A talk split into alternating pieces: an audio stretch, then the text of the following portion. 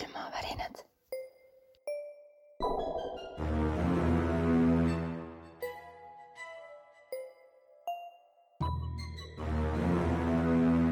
külmavärinad.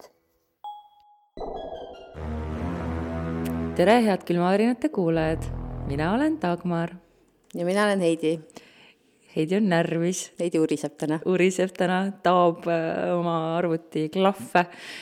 me jätkame Soome teemadel mm. -hmm. Mm -hmm. ja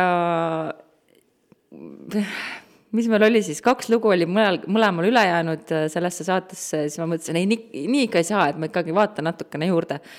ja nii, et äh, mul on nüüd äh, lisaks väikene boonus veel siia saate lõppu. aga ma võin kohe pihta hakata, ma arvan. paneme ajama, jah? paneme ajama. veel põnevaid lugusid Soome politsei ebakompetentsusest. jah, paraku küll, mul on väga kahju, et see niimoodi on. huvitav, kuidas ma teadsin mm.? aga me liigume aastasse tuhat üheksasada kuuskümmend. nii ammu jälle. nii ammu jälle. mu vanemad ei olnud sündinud siis veel. minu vanemad olid kaheaastased siis. kahekümne viiendal detsembril oli äh, Seppo Saarinen teel koju Edela-Soomes asuvasse Krootila külakesse. ja tegelikult ta pidi saabuma päev hiljem, jõulu teiseks pühaks, et siis oma jõulud koos oma vanematega veeta. Sepol oli kaasas äh, ka üks hea sõber, kellega koos nad siis niimoodi läbi pimeduse ja lume sumpasid. kui nad kohale jõudsid, leidsid nad, et majakese uks oli lukust lahti, nad astusid tuppa ja siis tuli köögist isa, kes oli natuke üllatunud, et poeg nii varakult kodus on, isa keeras enda selja taga kohe köögiukse lukku. isa oli siis neljakümneaastane Pentti ja kui Seppo küsis, et kus ema on, siis Pentti ütles, et äh, tema ei tea midagi, tema magas, et äh, ema on sellel ajal vahepeal välja läinud. aga siis poisid olid ka väljas näinud mingeid väikseid jalajälgi ja nad arvasid, et ju need siis ema omad on. Siis Seppo oli veel isa käest küsinud, et äkki siis ema on äh, seal majas, kus ta nagu tööl käib külas, mille peale siis Pentti ütles, et ta ei ole seal enam kunagi. siga. siga aga üldiselt siis Pentti käitus tavapäraselt, kuigi poistele tundus, et ta jälgib neid kuidagi nagu kahtlaselt ja kui nad õhtul läbi köögi läksid, et ema magamistoast võtta lisatekke endale magamiseks, siis köök oli pime ja nad märkasid, et asjad, mis tavaliselt olid pliidi peal, olid nagu põrandal laiali, mille kohta siis isa ütles, et oli koristanud veits. tagurpidi või?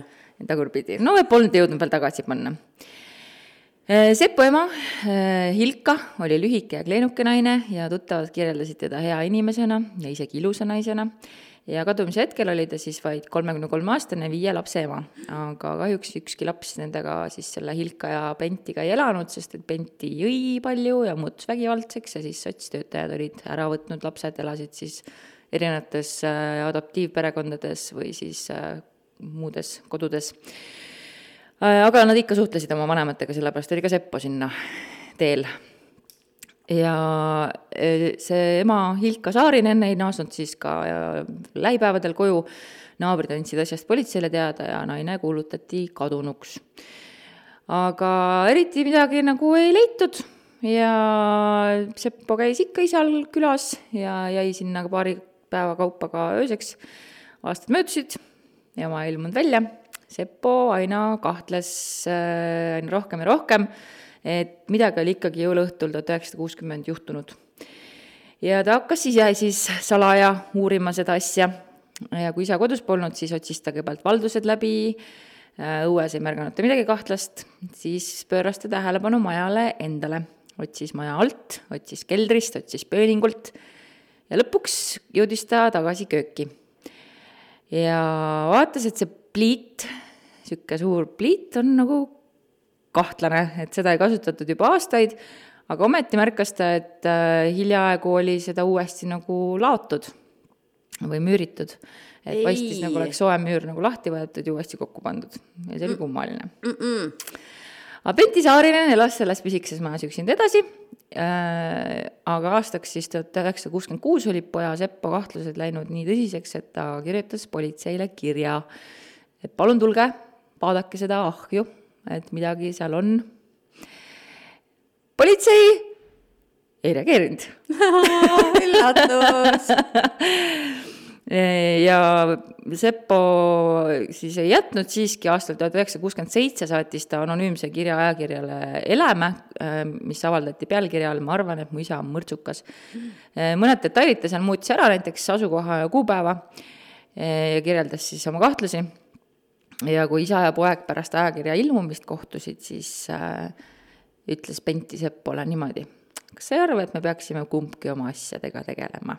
tuhat üheksasada seitsekümmend kaks, see oli siis kaksteist aastat pärast seda, kui ema oli kaduma läinud, tuli politseijaoskonda siis tööle uus uurija, kes hakkas vanu juhtumeid läbi vaatama ja koheselt sai ta aru, et see Seppo saadetud kiri sisaldab midagi olulist. ta võttis Seppoga ühendust ja lõpuks siis kahekümne seitsmendal novembril tuhat üheksasada seitsekümmend kaks tuli siis politsei Penti Saarise koju ja ahi võeti siis tellis tellise haaval lahti ja mitme tunni äh, möödudes, kui nad seal kaevasid, siis lõpuks nad märkasid kummikut. üks politseinik katsus kummikut varbast ja tundis, et seal on varbad sees mm. -mm. Ja õige pea ilmus nähtavale ka Hilka Saarise pea ja ta oli tõesti maetud ahju siis nende kivide alla, äh, kuhu siis tavaliselt käib see ahjupott nagu peale ja lisaks kummikutele olid siis naisel käes äh, villased kindad, nii et tundus, et ta on maetud välirõivastes Äh, politsei sõnul surnukeha ei lehanud üldse, et ta oli siis pigem nagu mumifitseerunud. ja üks huvitav tsitaat on selline, oli ka puuduvaid asju, näiteks nägu. Aa mm, -hmm. see väike asi. see väike. mitte väike. nagu mingi teine kummik või aga nägu. nägu okay.. Mm -hmm. ja, siis äh, päris rõve on ka see, et Seppo Saarinen pidi korooneri juures oma ema tuvastama Äh, kahtlustatavana peeti kinni üllatuslikult Pentti Saarinen ja ta viidi ülekuulamisele. Äh, toona siis oli ta vist juba viiekümne kahe aastane, Pentti midagi üles ei tunnistanud, ütles, et tal pole aimugi, kuidas Hilka sinna ahju sisse sai. ise läks. ja paraku polnud ka, jah, tõmbaski kivid ka veel paraku polnud ka vägivallajälgi surnukehal, nii et, äh, et isegi spekuleeriti, et äkki ta oli sissemüürimise hetkel elus ja naabrite sõnul oli Venti korduvalt ähvardanud oma naist ära tappa ja öelnud, et kui ta seda teeb, siis naist kunagi ei leita. Ka tuli välja, et ta oli kohalikust raamatukogust üle seitsmekümne raamatu laenutanud, mis äh, olid kõik mõrvateemalised en-, enne siis, kui naine kaduma läks. Mm. -hmm aga kahe, kaheteist aastaga olid mõned Venti kuritegudest näiteks koduvägivald aegunud ja teiste osas ei olnud piisavalt äh, tõendeid. Kohtus olid tema ütlused üldse vastukäivad, vahepeal ta isegi üritas väita, et jõuluõhtul tulid äh, neile külla mustlased, kes olid midagi teinud, aga see teooria siis kohe lükati kõrvale ja, ja mitmed tunnistajad kinnitasid, et Ilka oli korduvalt peksa saanud oma mehe käest. aga raamatukogu laenutuse ajalugu kohtus arvesse ei võetud mm, ja määrati siis Pentile kaheksa aastat raskete kehavigastuste tekitamise eest, aga otsustati, et ta ei põhjustanud oma naise surma tahtlikult, sellepärast et ei olnud piisavalt tõendeid. ja Saarinen kaevas, kaebas kohtuotsuse edasi ja apellatsioonikohtus lükatigi see ümber ja ta vabastati vaid pärast aastast kinnistumist ma lähen veel rohkem närvi praegu lihtsalt uh. -huh. ja siis oli veel selline huvitav asi, et ta kolis sinna majja tagasi oh. ja ta jättis köögi nii, nagu see oli, ehk siis kõik see lahti võetud pliit, ta elas seal kuni oma surmani aastal tuhat üheksasada kaheksakümmend kuus, kõik see pliit äh, oli lahti võetud ja ta lihtsalt elas seal edasi. Äh, ta sai ka hüüdnimeks vabamüürlane ja pärast siis äh, seda, kui ta suri, seisis see maja aastakümneid tühjana, nüüd on see lammutatud ja Hilka Hillevi Saarise hauakivil seisab surmakuupäevana kahekümne kolmas detsember tuhat üheksasada kuuskümmend, kuigi keegi ei tea täpselt, millal ja mille tõttu ta siiski suri. karm business, ma ütlen. väga karm, väga, väga rõve. selle, seda, selle juhtumi nimi on soome keeles uunisurma ehk ahjusurm. uunisurm sa oled tõesti täna väga õelas tujus, ma vaatan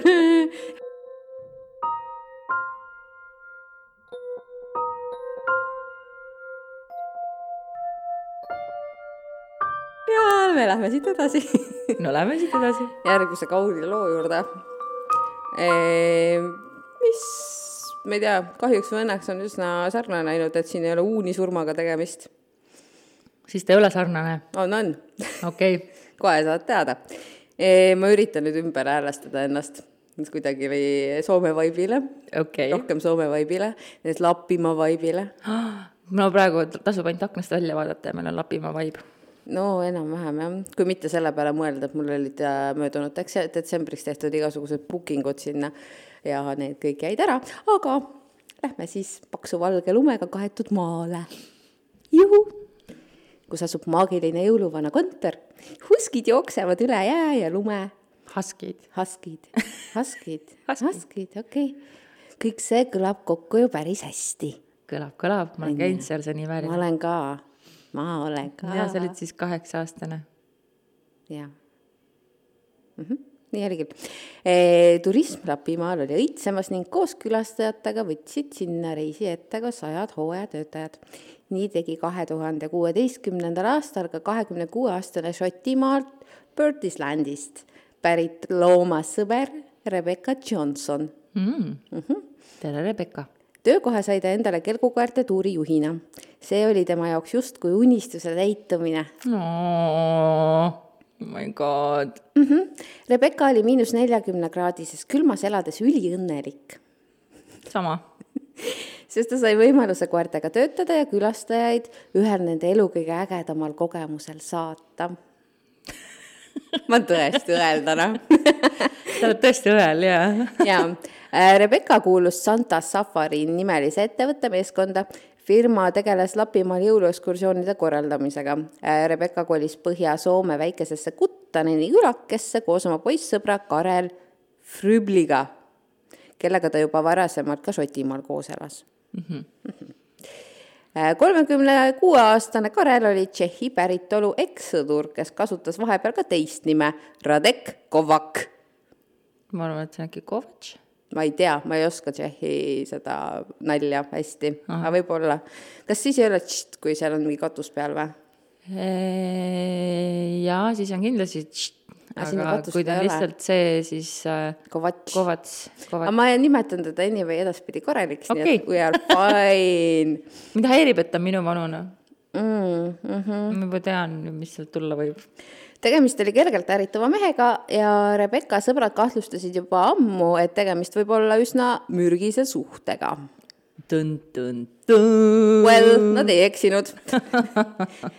Rebecca oli oma õela What- Whatsappis, asi, mida ma pole elu sees kordagi kasutanud. ei kasuta Whatsappi mitte või? kunagi pole kasutanud. ma eeldan, et seal kirjutatakse omavahel ei, see on sõnumivahetusteenus. Okei okay,, siis on hästi äh,. siis äh, Whatsappis ta kirjutas oma õele, et äh, Karel olevat teda löönud.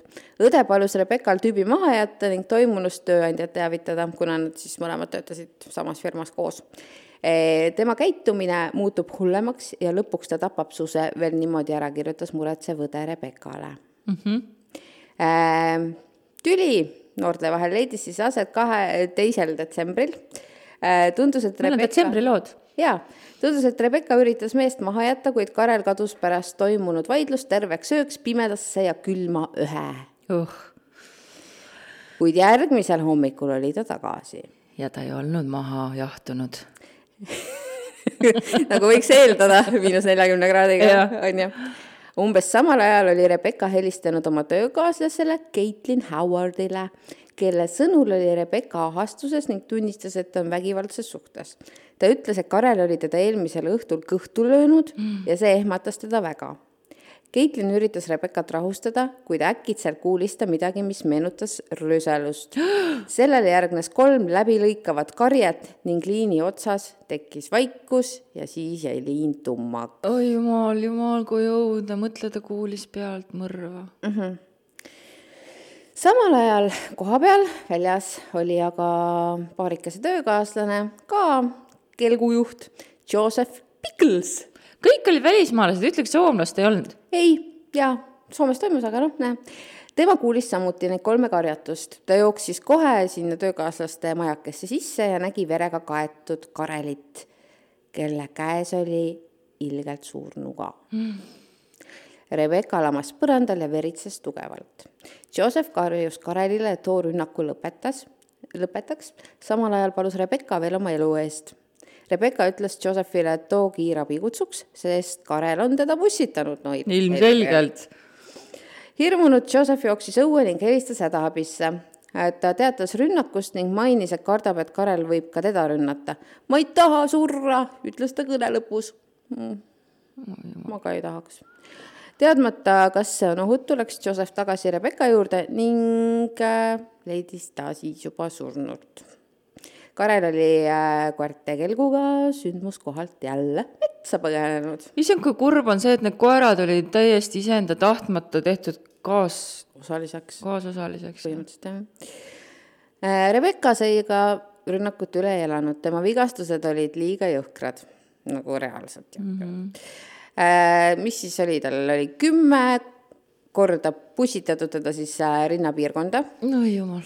boonusena leiti tema kehalt veel kolmkümmend torkehaava mm. -hmm.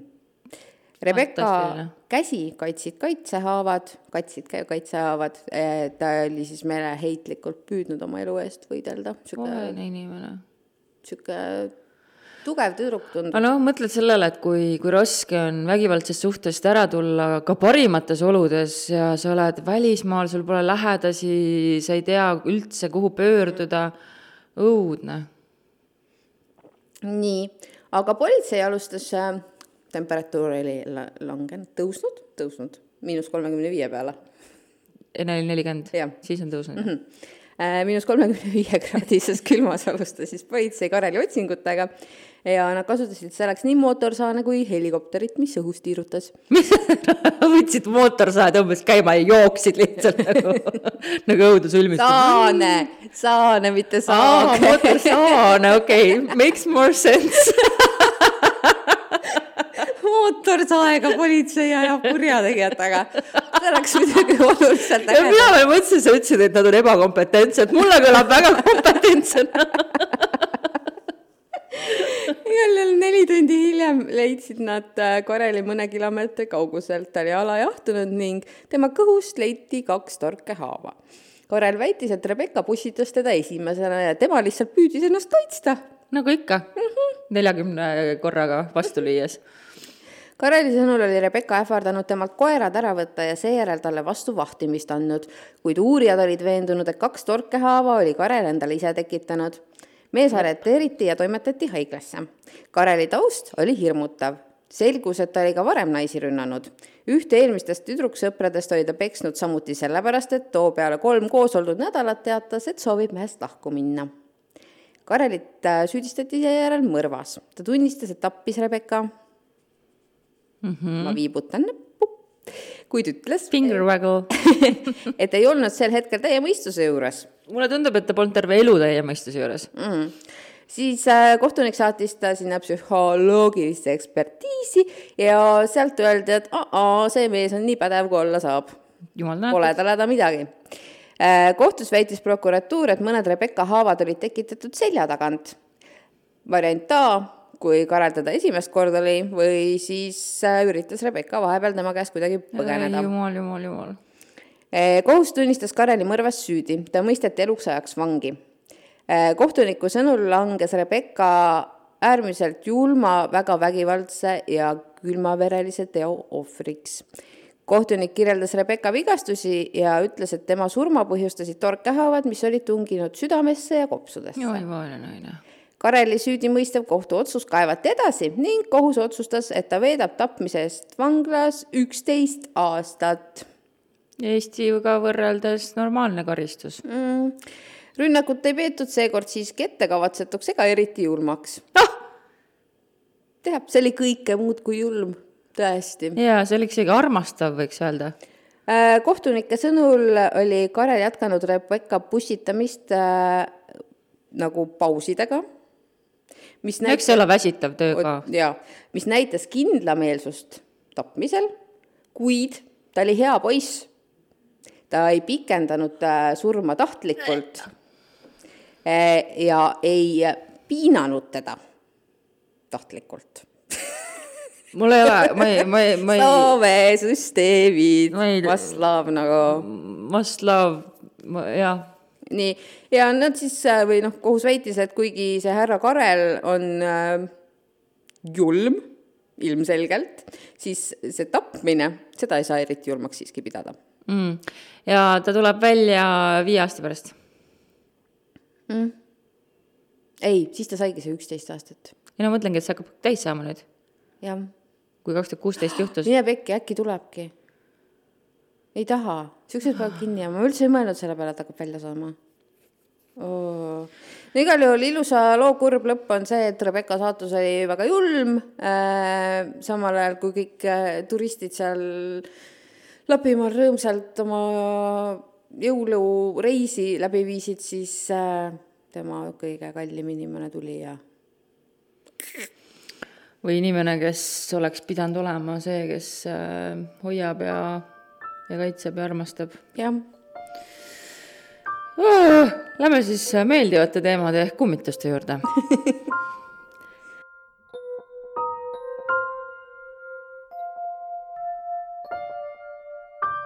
Äh, eelmine kord ma vist tõin kümmekond ja seekord ka.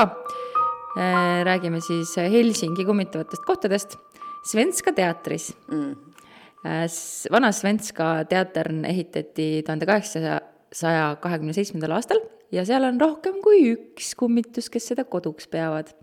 legendi järgi on seal suisa seitse erinevat vaimu ja neid kutsutakse värvikateks tegelasteks, sest et nad on rõivastunud erinevalt, naistest siis. üks kannab musta, üks valget, üks halli ja üks türkiisi. aga on ka kolm džentelmeni, jällegi üks neist on valges, üks hallis ja kolmas mustas ja eriti rahutu olevat siis härra Mustas, et äh, üks töötaja oli näinud rekvisiitide ruumis äh, riiulite taga musti kingi ja püksisääri ja kuulnud jalgade lohistamist, kuid kui ta vaatama läks, polnud seal kedagi. aga kahjuks ei teata, et kas need värvikirevad kummitused on siis endised näitlejad või lihtsalt suured kultuurisõbrad. suur kultuurisõber nii ikka jaa. loomulikult teatrisse kummitama, pole küsimust. Äh, meil ka siin ju vanalinnas need teatrid pidid kummitama, nii et äh, loodame, et me saame kultuurisõpradest. jah, et me saame sinna kunagi minna kummitusi küttima. aga siis Valitsuse plats tuhat üheksasada neli aastal tappis Eugen Schaumann äh, kindralkuberner Nikolai Bobrikovi, kes, see Bobrikov oli siis toona valitses Soomet ja oli siis vastutav Soome venestamise eest. Ja see siis kõik toimus senati hoone teise korruse treppidel. Schaumann tulistas Bobrikovi kolm korda ja seejärel ennast kaks korda, ta ise sai kohe surma, Bobrikov suri hiljem haiglas. aga räägitakse, see kõik siis oli tuhat üheksasada neli juunis, räägitakse, et atendaadi aastapäeva kandis ja juunikuus kõlavad siis seal senimaani lasud mm. ja et mõlemad konflikti osapooled pole rahu saanud ja jõlguvad seal ringi siis Lönnrot, Lönnrodin kadu kakskümmend üheksa asub äh, tänapäeval niisugune koht nagu Glow Hotel Art, aga kui see aastal tuhat üheksasada kolm valmis, siis see algselt kavandati Helsingi ülikooli tudengite ühiselamuks. ja selle ülakorrusel asub senituba, mida kutsutakse pokkeriauguks, sest et seal peeti ebaseaduslikke pokkeriõhtuid ja seal on siis kabineti seina taga on praegugi salajane trepikäik, mida kaudu siis sai põgeneda mm,. aga öeldakse. mulle meeldivad. ahaa, kui sa peaksid vaatama neid pilte, need on nii ägedad, võlvitud siuksed laed ja sihuke hästi sihuke kui ma kunagi place. oma maja saan, mida ma niipea vist ei saa, sest eile ma bingoga ei võitnud, taaskord, siis, siis ma teen sinna mingi siukse ägeda keldri business'i mingi mm. salajase käiguga mm. -hmm. väga lahe e,. igal juhul seal trepikäigus äh, elavat üks kummitus, kes koputab ja klõpsib ja teeb igasuguseid muid hääli. Ja seal on ka vahitorn, kus olevat omad nii-öelda valvurid, et kui äh, tuled kustutatakse, kustutatakse ära, siis need lähevad ikka põlema ja seal olevat üldse niisugune rõsuv ja, ja raske õhustik, et äh, sinna olla üks inimene ennast üles poonud ja siis kuuldakse veel hotelli koridorides vilistamist, keldris asuvas restoranis tunnevad töötajad sageli, et neid vaadatakse mm -hmm. ja tuled vilguvad, kolistatakse mm, -hmm. et sulle väga tuttav teema. jep, siis Mereväe Akadeemia, mis asub Soomenlinnas, seal hargnes siis kunagi traagiline armudraama ühe ohvitseri tütre ja kadeti vahe- vahel. Ja südamevalus siis kadett end ära tappis, kuid kuuldavasti ta otsib senimaani oma armastatut taga. Siis on Vallisaari Peata kolonel.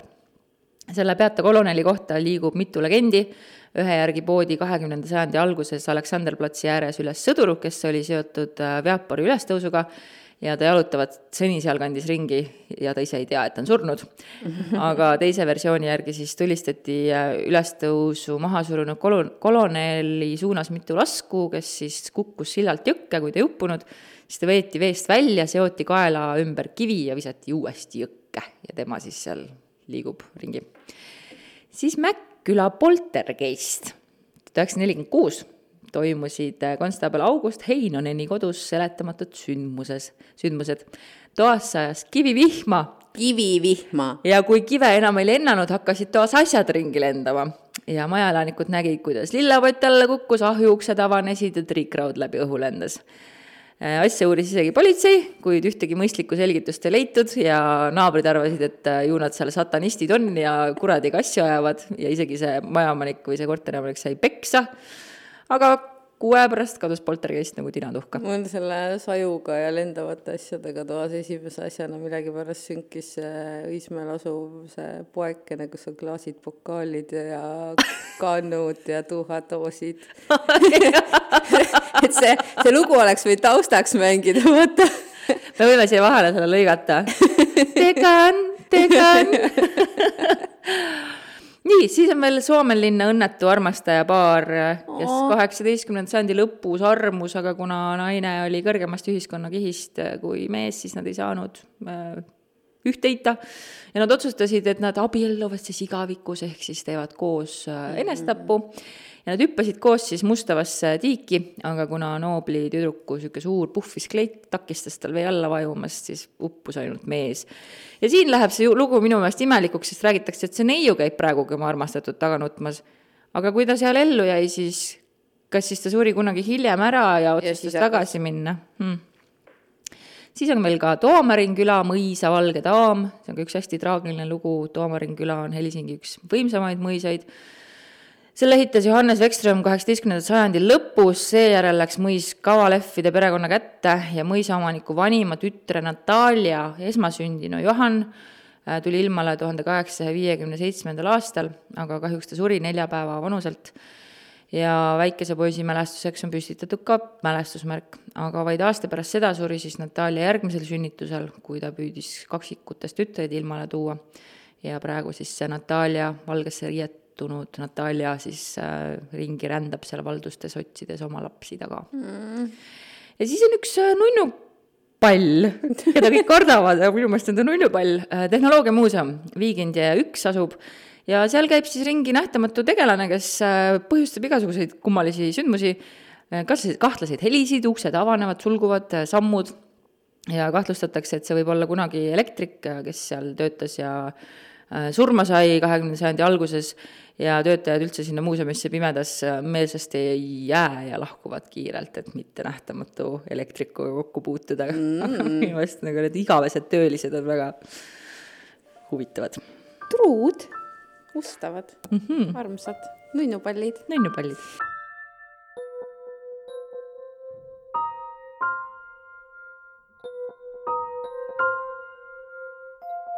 aga lähme siis äh veel ühe nunnupalli juurde või? Davai. Matti Haapoja, lugupeetud härra, kes sündis kuueteistkümnendal septembril tuhat kaheksasada nelikümmend viis isa Küros vist, jah? ma eeldan, et seda hääldatakse nii.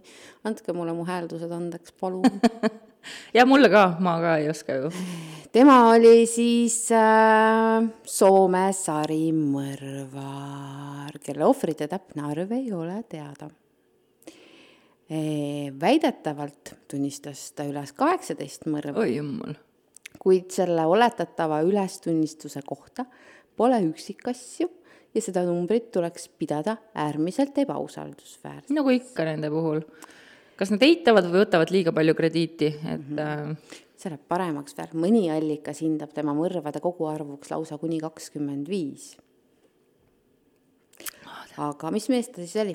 tegus mees. äge mees Äh, kes alustas oma kuritegeliku karjääri kaklejana ah,. Mm -hmm. vana hea. jõudes üsna kiirus, kiiresti hobusevarga staatuseni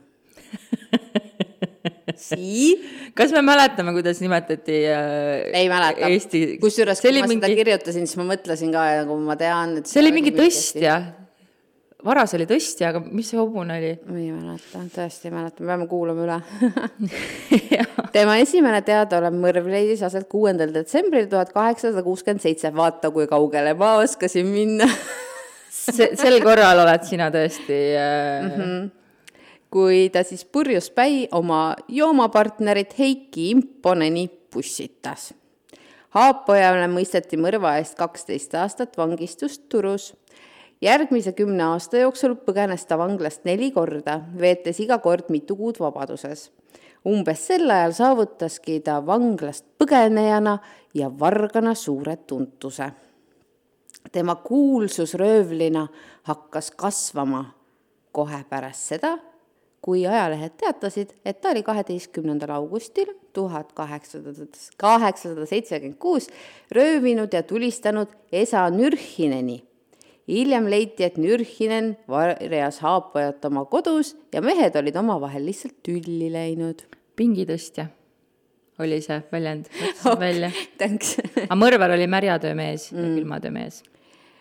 põgenemiste ja jätkuvate varguste tõttu mõisteti Haapaja tuhande kaheksasaja seitsmekümne neljandal aastal eluaegselt vanglasse. pärast viimast põgenemist esitas ta avalduse oma karistuse muutmiseks. Ta tahtis, et teda Siberisse pagendataks nojah, vabadus vähemalt. mm. -hmm. sellega nõustuti ja ta saadetigi tuhande kaheksasaja kaheksakümnendal aastal Omski oblastisse. seal viibides tappis ta tuhande kaheksasaja kaheksakümne kuuendal aastal ühe mehe. pärast mida pagendati ta Ida-Siberisse. ah, et veel kaugemale nagu see peaks kuidagi muutma seda, et talle tappa meeldib. mm. -hmm. Rahvasuu väidab, et äh, sel ajal tappis Haapoja veel kaks kuulsat Soome kurjategijat. Juha Antinpoika Leskena, oota, Juha Antinpoika Leskena Natti Antsin Jukka ja Kappo Sutki. ok kuid nende juhtumite osas puuduvad ka kindlad tõendid tuhat kaheksasada kaheksakümmend üheksa otsustas Aapo ja Siberist põgeneda ja Soome naasta.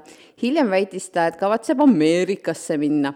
ta kogus viimase suure põgenemise jaoks raha röövimiste ja mõrvadega mm. -hmm, mm -hmm. tõenäoliselt tappis ta vähemalt, veel vähemalt kolm meest ja osales neljanda mõrvas tal oli ka pass, mis kuulus ühele vene mehele, kelle saatus jäi lõpuni ebaselgeks, et keegi ei tea, kas ta siis tappis temaga ära ja võttis selle passi või, või mis värk sellega mm -hmm. oli. Haapoja naasis Soome tuhande kaheksasaja üheksakümnenda aasta septembris. kuu hiljem mõrvas ja röövis ta prostituudi Jemina Salo. paar päeva hiljem kuule, aga see oligi see või? ah, see Jemina, kas see oli äh, äh, oota, nendes El... kummituslugudes mul, oota, ma kohe vaatan. Jemina, Jemina, Jemina, Jemina, Jemina. Salo. jah, oligi. oligi või? ja, ja, ja see Alberin kadu mõrv mm. tuli äh, Siberisse küüditatud ja Helsingisse tagasi põgenenud mm -hmm. Mati Haapoja. vot, seesama tüüp. jaa, küsis majahoidjalt, et too kutsuks talle prostituudi, kelleks oli Maria Jemina, õhtul äh, majahoidja lahkus, jättes Jemina ja Haapoja kahekesi ööembusse ja hommikul tööle minnes leidis ta Jeminat kägistatuna oma magamistoast ja siis majahoidja andis asjast politseile teada ja Haapoja siis vandus tulist kurja ja väidetavalt siis kummitab seal senimaani mm. -hmm. aga enne ta peab selleks surema, nii et jõuame sinna siis ka. Ei, ta juba suri ma pärast räägin lähemalt, kuidas, kuidas ta kellegi tappis. aga ta tappis selle prostituudi ära ja siis paar päeva hiljem võttis ta, võeti ta Bordeaux kinni. Haapoja käitus kohtuprotsessil äärmiselt üleolevalt, tunnistades süüd nii prostituudi mõrvas kui ka ühes Siberis toime pandud mõrvas see on umbes see, et ma tapsin selle ja siis ma tapsin selle mm -hmm. ja siis ma tapsin selle ja mis siis mingi sihuke vend just. tard. Ta lootis, et ta saadetakse tagasi Siberisse, kuid selle asemel määras kohus talle teise eluaegse vangistuse.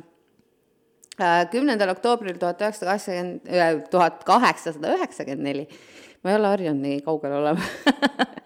Üritas Haapoja veel kord vanglast põgeneda, selle katse käigus tappis ta valvuri ja haavas kahte inimest. kui ta mõistis, et ei saa välja, üritas ta ennast pussitades tappa, kuid haav kahjuks siiski surmav ei olnud. E siis ta pandi kongi tagasi, aga niipea, kui need haavad olid paranenud, poos ta end tuhande kaheksasaja üheksakümne viienda aasta kümne või kaheksandal jaanuaril vangikongis üles.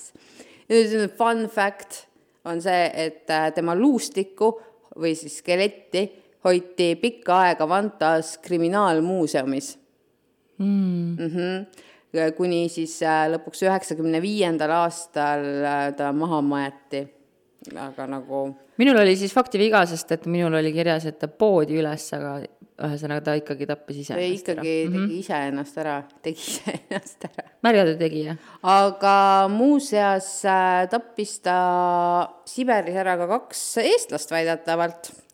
Äh, üks nendest oli siis äh, baaripidaja Rugis, kelle ta tappis ära tuhande kaheksasaja kaheksakümne üheksandal aastal Tomskis ja teine oli äh, siin äh, kriminaal Gustav Sepp, ütleb see nimi sulle midagi või? Gustav Sepp mm. -hmm. niimoodi ei ütle, aga nõrga või tugeva G-ga? G-ga tuge-, no nõrgaga äh, tema siis äh, haihtus jäljatult Simonjovkas Siberis äh, ka kaheksakümne üheksandal aastal, aga viimane inimene, kellega ta, ta koos nähti, oli siis olnud Haapoja vot, aga nagu enne öeldud sai, siis tema see mõrvade arv ei ole siiamaani absoluutselt teada. Eh, enamik ohvreid siis suridki kusjuures nagu see prostituutki kägistamise tulemusel. õudne tüüp, ilgelt vastik mm. -hmm. aga üks nunts asi ka veel on see, et viimane kord, kui ta üritas vanglast põgeneda, siis äh, tegelikult tal oli võimalus äh, rünnata veel ühte vangivalvurit, aga ta ei teinud seda sellepärast, et see vangivalvur oli vangide vastu alati äärmiselt kena olnud. nojah, siis jättis kellegi tapmata ma ei oskagi kommenteerida seda kuidagi. tubli poiss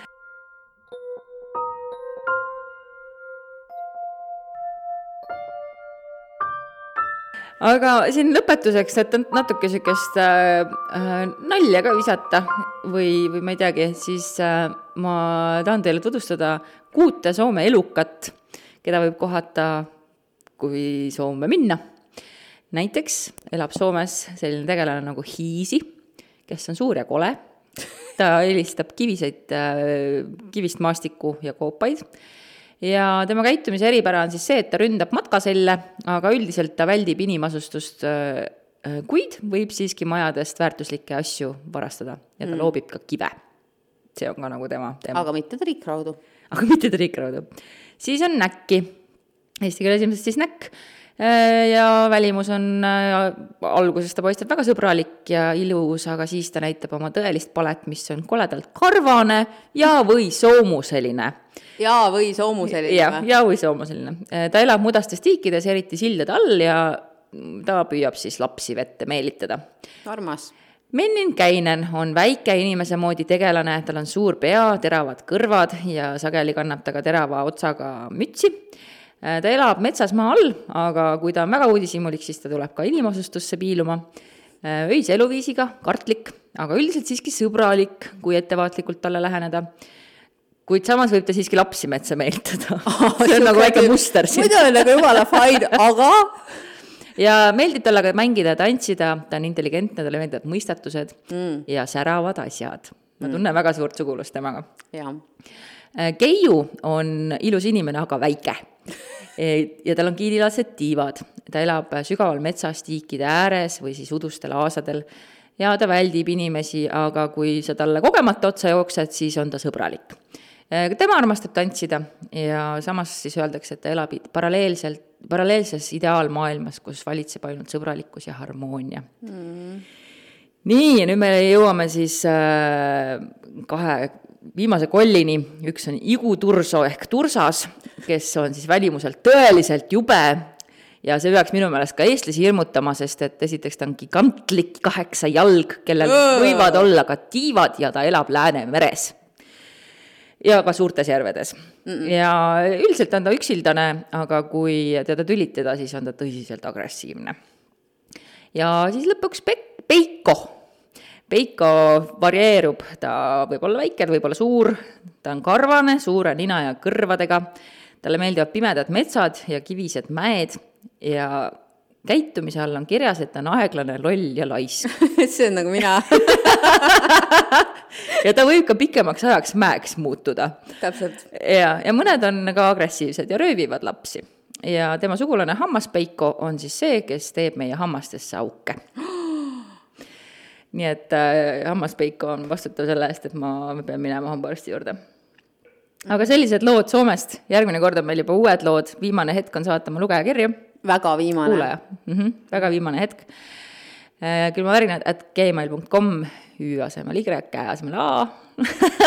Sotsiaalmeediasse võib ka meile kirjutada, see on ka lihtne variant, kuidas meid kätte saada ja nagu ikka, aitäh, et olete olemas ja kohtume juba järgmisel nädalal. püsige kõhedad.